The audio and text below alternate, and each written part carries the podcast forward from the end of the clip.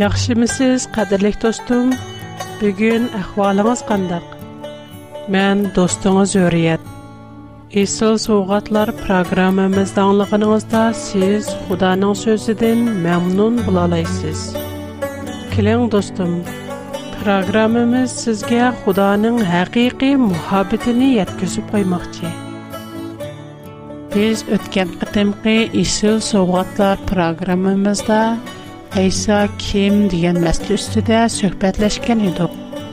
Бүгін шо сөхбетімізні давамлаштырмыз. Пайғамбарларға, русылларға әр хил намлар бірілген. Әм оларға мөйтізләрні яртеш иқтидарму ата қыланған. Бірақ, ечқайсы Худаның сөзі деп аталмыған. Faqat Isa Allah Xudanın və ruhi deyilən. Quran-Kərim 4-cü surə 171-ci ayət. Məsih Isa Məryəmin oğlu. Faqat Allahın rəsulidir. Məryəmə Allahın ilqı qılğan kəlimisidir. Allah tərəfindən gələn bir ruhdur. 3-cü surə, Əl-İmrân 45-ci ayət. Öz vaxtında pərilərlər etdi: "Ey Məryəm, Allah sənə Allahın bir kələməsi ilə xəbər bürədik ki, onun ismi Məsih Məryəm oğlu İsa dur. O dünyada və axirətdə obroyluq və Allah'a yaxınlardan buludur." Bütün Qur'onda İsa'dan başqa birər peyğəmbər yoki birər adamni Xudanın kəliməsi yoki Xudadan gələn ruh degan joy bormi? Bəzilərini peyğəmbərlər, yəni bəzilərini ağahlandırğıçılar və yana tarqatqıçılar qılğan. Lakin onların hamısı Xudanın sözü və ruhidən tövən durdu. Худаның сөзі вә рухи Худадын келген. Шыңа о Худаның бір қысымы. Әгер Худаның бір кәлемесі деген сөзіне, Мәсих атының вастысыз бірлі сөз білән тұғылған деп түшендірілсә, бірлі иғыз бұйрық сөзі білән яртылған арем атымыздың мұ, Алланың калами вә Худадын келген рух деген намлары болыш керек Məsihnin üstünlüyü və ilahi qudretini pürtüb ötən kalam və ruh deyilən bu bayanlar bizə nəmini eytib bürüdü. Məsih yardalaydı. O deydi, Şübhəsiz ki, mən sizlərə Rəbbinlər tərəfindən bolğan bir möcüzə elib gəldim. Mən sizlərə laydin quşun şəklində bir nəsə yasayman. Андын онанға пөлэймін. Алланың ізни білян оу көш бұлду. 3-дю суре ал-имран 49-дю айат. Онанын башқа яна 5-дю суре ма 110-дю айатта мындах дилген. Өз вақтыда Алла айтти. И Мэр'ям оғли Иса. Айни заманда біниң ізни білян Лайден кушның шәкледә бер нәрсә ясайтыңдә, уни пүлләсәң, изнем белән учыдган куш булатты. Менең изнем белән тугма көрне, бераз киселне сакайтаттың. Әйне заманда менең изнем белән үлекләрне чыкраттың. Худа өз яраткан махлукатларның сехилик – adillik, rahim shafqat va xeyri saxovatlarda özü bilan o'rtoq buluşuğa yol qoyğan. u yana peyğəmbərlərə möcüzələrini yırtalaydıgan və kəlgüsü yüz birdigan işlərini aldın eytalaydıgan qabiliyyətini mu ata qılğan. Bu möcüzlər albatta insanı bəxtə erişdiriş пайғамбарлар яткізген әріштіке хабарны тәстіқлаш үшін бірілгендір. Албуги худа өзінің бәзі ішлеріні вә сүпәтлеріні башқылар білән орда қылған әмәс. Чөнкі худа бірлі вақытта әр ерді ғазір. Бу, ғазір бұлыш чексіз. Шуңа хәмі іш оның құлыда. О بر لواقت دنیا کی بارلگ انسان‌لرن تلخ‌لرن ارزو آرمان‌لرن آنلیالاید. یعنی که پمیگ قادر خدا نن عین بولسا خدا غلا خاص بولغان قابلیت نیبارد دار. اونان دیگه بو قابلیت باشکلارگا یت گزیلگن مس. پیغمبرلر Ләкин уларның бу кабилиятләре Худаның күч кудрәте аркылы әмәлгә ашкан булып, әйне кабилият эмас. Худа җан җанварларны яртылайды. Худа пәйгамбәрләр ва расулларга инсанны o'limdan terildirish kochini so'zlitish qarg'uni kirgizish har xil kasallikni saqaytish va vaqalarni oldin aytish қәбиләтне бергән. Ләкин Әйсадан башка һеч кандак берсегә ярдәш ва яки рух биреш қабиләтен әзелдән ата кылганбыз.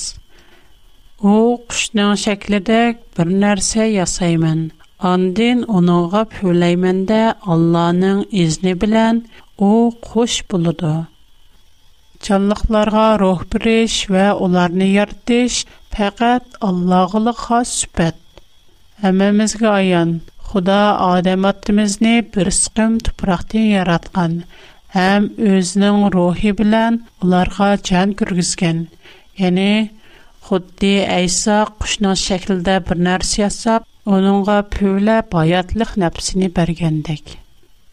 Аятлык нәфси Аллаһлы хас. Оныңдан өзгә һеч кандай аятлык нәфси юк. Biroq müşayyətdə İsa canlıq yaratqan, həm onunğa hayatlıq nəfsini bərgən.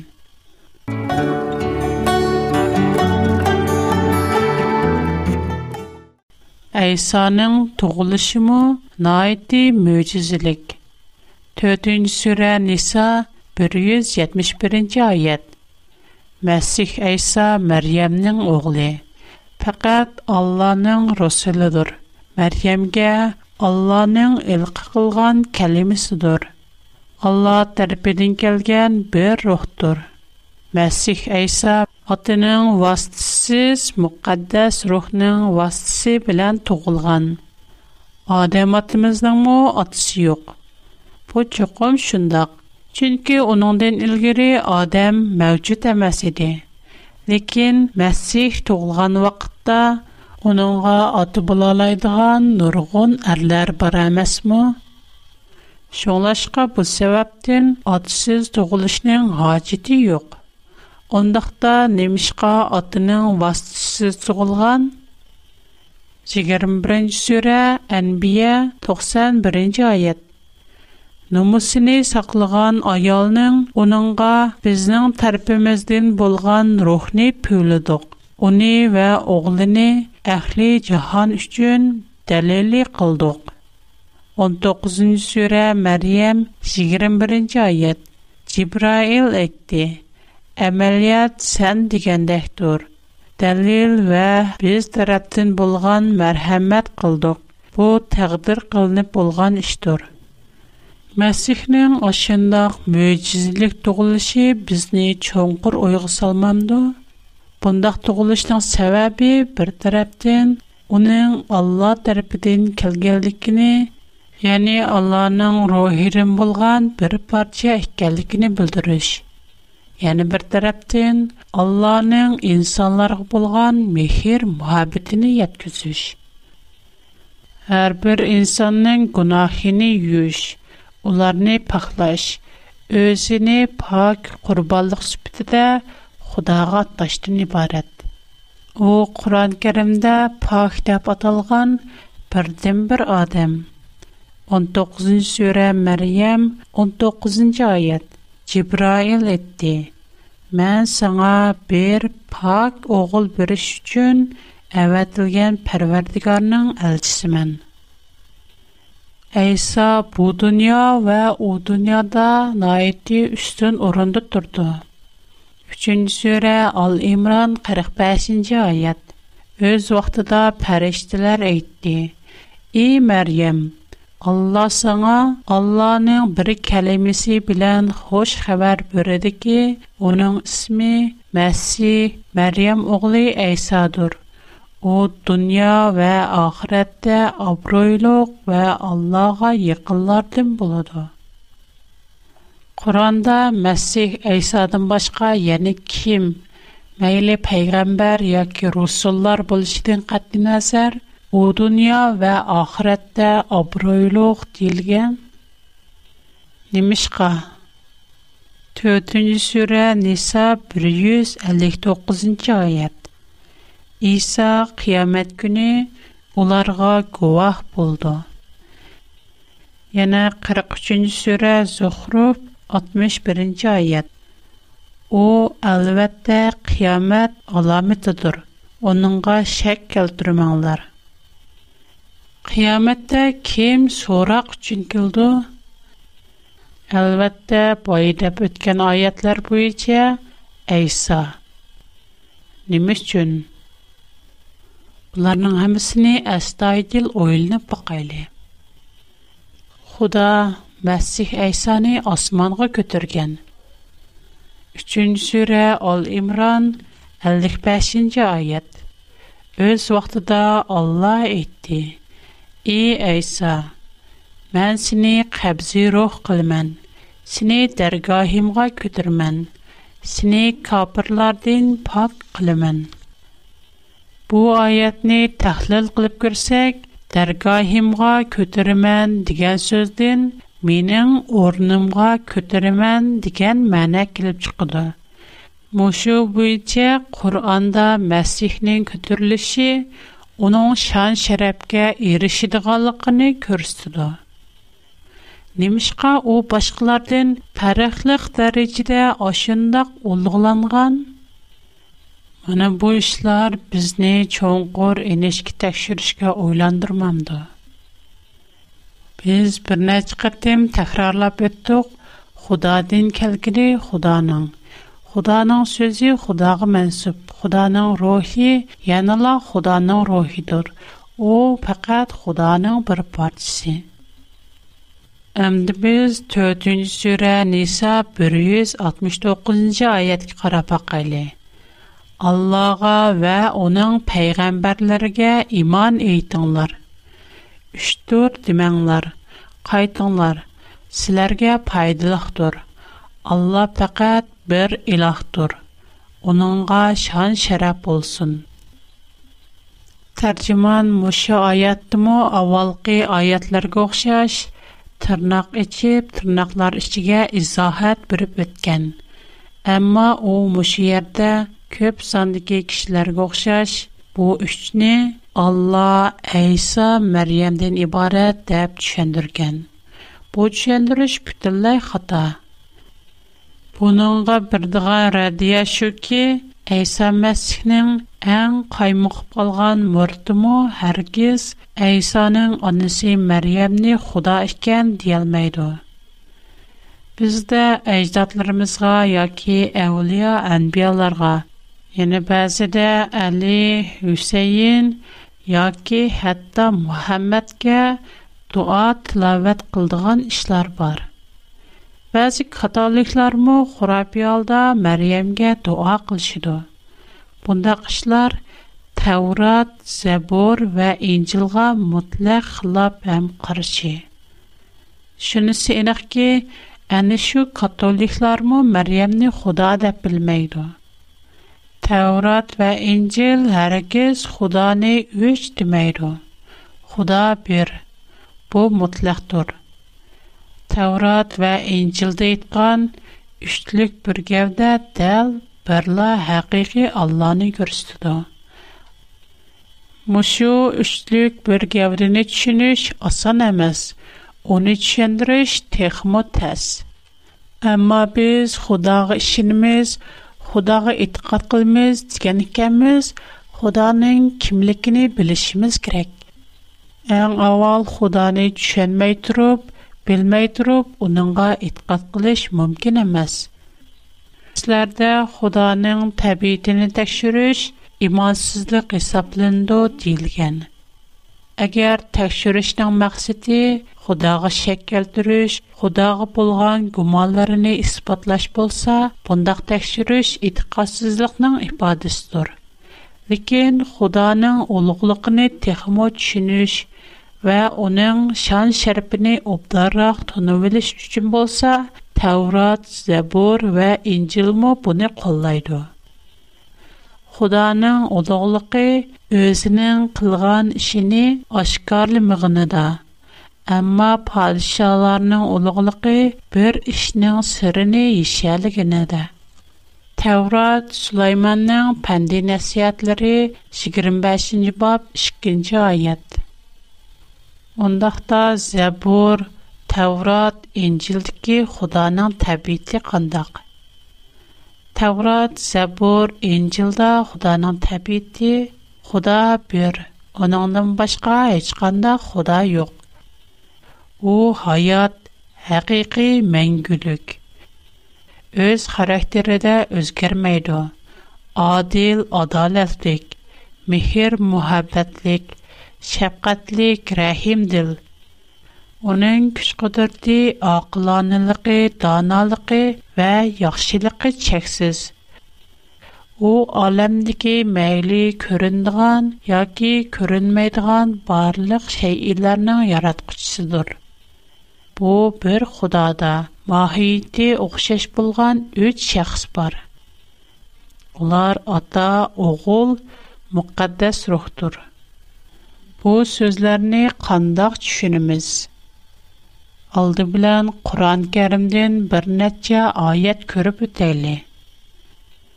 20-ci surə Taha 8-dən 12-ci ayət keçə. Мусаның қысесесілігін хавырың бар му? Өз вақтыда Муса отның юрықыны көрді. О, айлесі діклерге.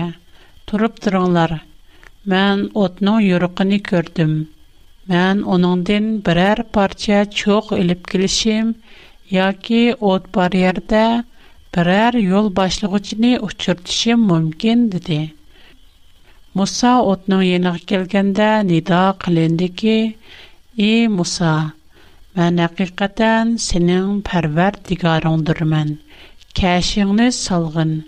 Сән әқиқатан мұқаддәс вади болған туады сән». 24-нче сүрә, Нур 35-нче аят. Алла асманларның ва зиминнең нурыдыр. Алланың нуры худи təkçiyə oxşaydı. Onunğa çıraq bardır. Çıraq şişinin içidədir.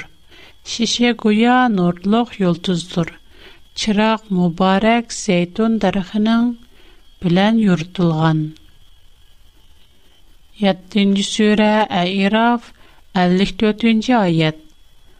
Allah asmanlarını və zəminni 6 gündə yaratdı. Andin eriş üstüde karar aldı. 2. Sure Bəqər 28-ci ayət Allah'ın dergahına qaytırılsınlar. 3. Sure Al-İmran 55-ci ayət Öz vaxtıda Allah etdi.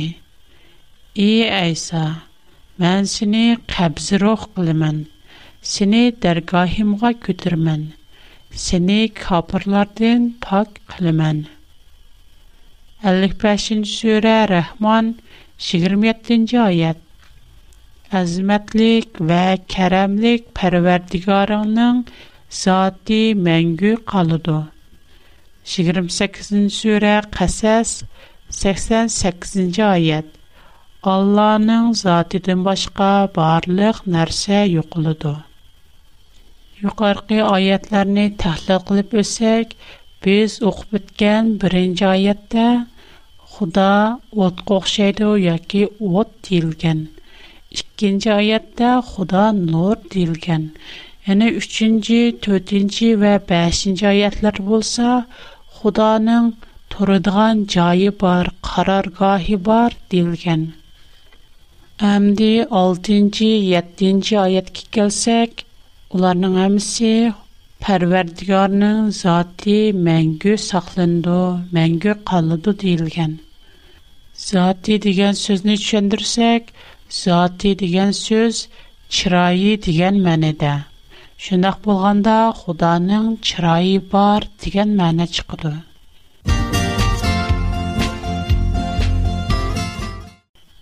«Худаның çirayı var mı? Таврат, Забор və Инджиларда Худа бирдэ Адамс яғын алса, бирдэ Париш түсіпті дэ, ва енэ бәзі дэ от шехлини алған. Димек, бұланын хамиси Худанын өзні инсаларға намайан қилиштіки вастыстыр. Біз хамимыз біліміз, хам итрап қилиміз. Худа хамиги қадыр, Әгер о халыса, адам сияқын ала айду. Әгер о халыса, нор хам от шеклина ала айду. Быларның хаммиси Алланың ирадысы гі бағылыг. Шуңа, әгер Алла адамның хияпытын аласа, бұ реалик бізнің хияліміз ягі тасаврамызға уйғын кәлмігэлікі яхмығалық үчін инкар бәрі бір реаллык. Худаның бір каламга ва бір рухка ике икәнлегене алдынғы аятларда күріп үттек. Шундыйла Худаның калами ва рухи Худа белән бер. Чөнки Худаның үзе дикснең һәммәсе Худа. Шуңа Худаның калами, Худаның үзлегенең бар булганлыгы, чексизлеге Шондаклар һәммә сүткә иге булганлык өчен үзи Худадыр. Худаның рохимы Худадыр. Ишлек бер гәүдәне һич кайсымез найити энек вә mükemmel түшәндүреп бере алмыйбыз. Түгәндә буны өчен бәнче мисал күрә кайлы. Бәлки бу üçлүк бер гәүдәне түниш aydınlaştırış üçün faydalıq buluş mümkün. Təvratının aləm yaratılış qısımı 2 bab 23-24-ci ayət Adəm atda xoşal halda mındaq dedi. Mana əndi sönüki minən sönükimdən, göşi minən göşimdən ilinğən, mağa oxşaya şıxıldı ki, bürüb Onun Чөнки у әрдән иленгән. Оғыл кызларның ата анысыдан айрылып, бер-бергә багланып, бертән булышы әнә шу сәбәптендер. Мушаят ки бертән бер гәүде булыш нимене күрсәтү? Энәк ки адам белән һава ана икитән ике гәүдә. Уларның бар һәргиз бер дине юк. Шунак булганда уларны бер тән дисә кандак. У әмилият уйгынмы? Әмилияттә бу ярдә күрсәтеп аткан бер тән булыш, тел рухи җәһәттән бер тән булыш. Яни бер аиләдә әр аял ортак нишан, ортак максат, ортак гая Айла این اخلاق چیه میخیر محبت کت لدو خدا نن ازی میخیر محبت دور شما آیل نن این اخلاق Бу худди, محبت калам, خدا рух میخیر محبتی احبتند دا پو خودی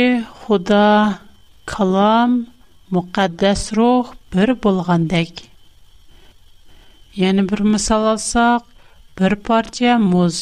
Onun əsli nə? Əlbəttə su. Muz irgəndən kən suğa qaytdı. Yana hor. Su qaynığandan kən horğa aylandı. Amma hor yerə düşkəndən kən yana la su buldu. Şoğa gərçə su, muz və hordan ibarət bir neçə şəkildə ifadələnmiş olsun Оның асасы елтізі янылы су. Kalılar ot çöpigənlikin təbii halda süt işləb çıxırdı. Alimlar kalının nəm üçün süt işləb çıxıdığanlığını nurgun tədqiq qılğan bolsunmu, кішіні қайыл qayılqığıdək тұллық ұспатқы erişkini ек. Kalının сүт işləb çıxırış cəryanını bilməgənlikimiz üçün – süt içishni rad qilib, kalorinin zadi nima uchun süt ishlab chiqara oladiganligini bilmigicha süt ichmayman desak, bu bak kulkilik ham ahmoqlik. Faqat Xudola o'zini o'zi to'liq tushundi. Üçlük bir gavda bizning tasavvurimizdan, tushunishimizdan halqib ketgan bo'lsimi, lekin ma'lum bir ishni tushunish tas debla u ishning asli mavjudligini inkor qilvatgili bo'lmaydi bizning oddiy turmushimizda nurg'unlagan tushunish tas bo'lgan ishlar bor biz yuqorida misol keltirib o'tgandek kolining sut ishlab chiqarish vaqasi lekin bu ishlarning pokit ekanligidan hech kim gumonlanmaydi reallik bizning xiyolimiz yoki tasavvurimizga baxmaydi yana reallik bizning tasavvurimizdagidek bizning xiyolimizdagidek bo'lmaganligi uchun uni rad qilsaq texmi bo'lmaydi xudoning ruhi va kalomi bor odamningmi jismi ma'naviyati va ruhi bor odamning jismini ko'rgil bo'ldi бірақ уның рухи ва мәни вейтіні күріш мумкін амаз, хам ечкім күріп бахмаған. Уштыг біргавда Таврат, Инчил, Заборға сасланған. Алгылх мәслишу ки, бу кітап Таврат, Забор, Инчил, худадын кәлген му амаз? Агар біз худадын кәлген амаз, ham biz buni itiraf qilamiz va shu bo'yicha ish qilamiz desak mayli bizning fikrimizga yoqsin yoqmasin uningdiki hamma so'zlarni qabul qilishimiz va ularga ishonishimiz kerak biz muqaddas kitobdagi tushungan yerlarimizni qabul qilib uningga ishinib tushunmagan yerlarimizni qabul qilmay uni tashlayotsak qat'iy bo'lmaydi qur'ondamu oshunda qiliqlar ayblangan Силар китапнын бір қсим ахкамлар гашиниб, бір қсим ахкамларыни инкар қыламстар. Силардин шында қылғаларынан чазаси, пекад айади дуняда хорлықы килиш, қиямэт күни қаттық азапға тучар болыштур. Біз, әлвәтті, Худаның сөзіген, әм Худаның, Таврат, Забор, Инчил арқылы бізге білдірген әқиқетіге шынымыз. Әмі Алланың рухи, калами бар. О, үшілік бір кәуді. Бүгінгі программымыз мүшерді аяқлашды. Менің тұр адырсым.